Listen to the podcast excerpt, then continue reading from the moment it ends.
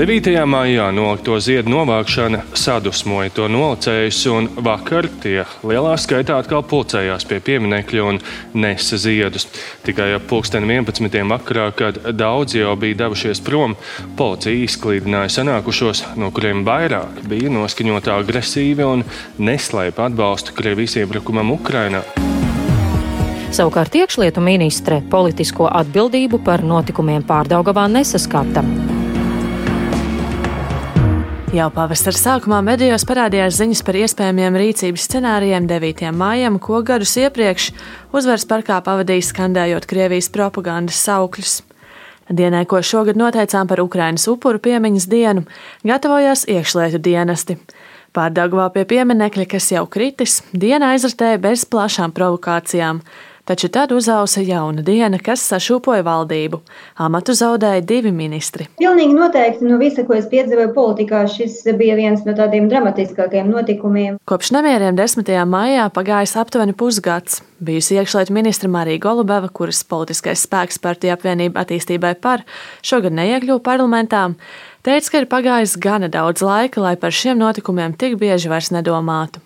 Golubeva skaidro, ka 9. maijam policija bija gatava. 9. maijā reāli atnākošo cilvēku skaits kaut gan joprojām bija ievērojams, bija krietni mazāks par to, kas bija iepriekšējos gados. Kopumā policija bija gatava arī lielākam cilvēku pieplūdumam, un tam mēs gatavojamies. Savukārt 10. maijs bija dažu politisko aktivistu spontāna reakcija uz Rīgas domas novaktiem ziediem, uz to veidu, kā tieši šie ziedi tika novakti, un to apstiprina arī viss, ko es zināju toreiz, arī kā iekšlietu ministri, ka tā nebija iepriekš sagatavota akcija. Bijusī ministra stāsta, ka kopš kara Ukrainā policija visu laiku bija motra dažādām provokācijām, taču novēlot reaģēja 10. maijā. Golubeva neuzskata, ka par notikumiem viņai bija jāuzņemās atbildība. Pilnīgi noteikti tajā brīdī man bija rūkums, īpaši pret premjeru, kurš principā deva signālu ar savu tvītu, ka Marijas Golubevas medības ir atvērtas. Respektīvi, viņa tvīts tajā naktī vēl nenoskaidrojot visus apstākļus, par to, ka viņš prasīs man paskaidrojumus par to, kā vispār tas varēja notikt.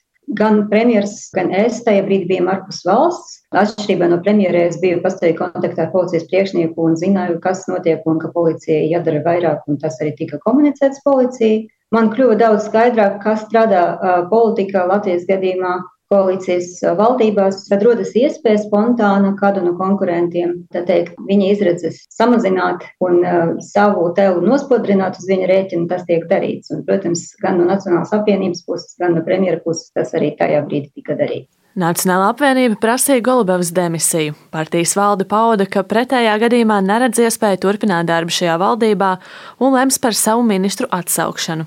Premjerministrs Krišjāns Kariņš no jaunās vienotības skaidroja, ka koalīcijas stabilitātes vārdā amatu jāatstāja arī Nacionālās apvienības ekonomikas ministram Jānim Vitsenbergam.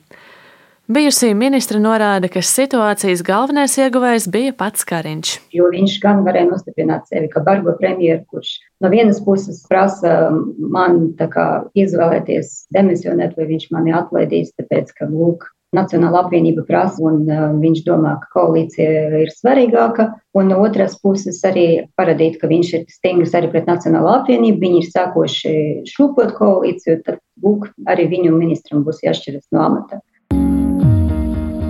Golubeva nedomā, ka notikumi 10. maijā viņas politiskajai karjerai izdarīja neatgriezenisku kaitējumu. Viņa uzskata, ka cilvēkiem ar liberāliem uzskatiem joprojām ir vieta politikā. Bijusī ministra neizslēdz atgriešanos politikā nākamajās vēlēšanās. Linda Spundiņa, Latvijas radio.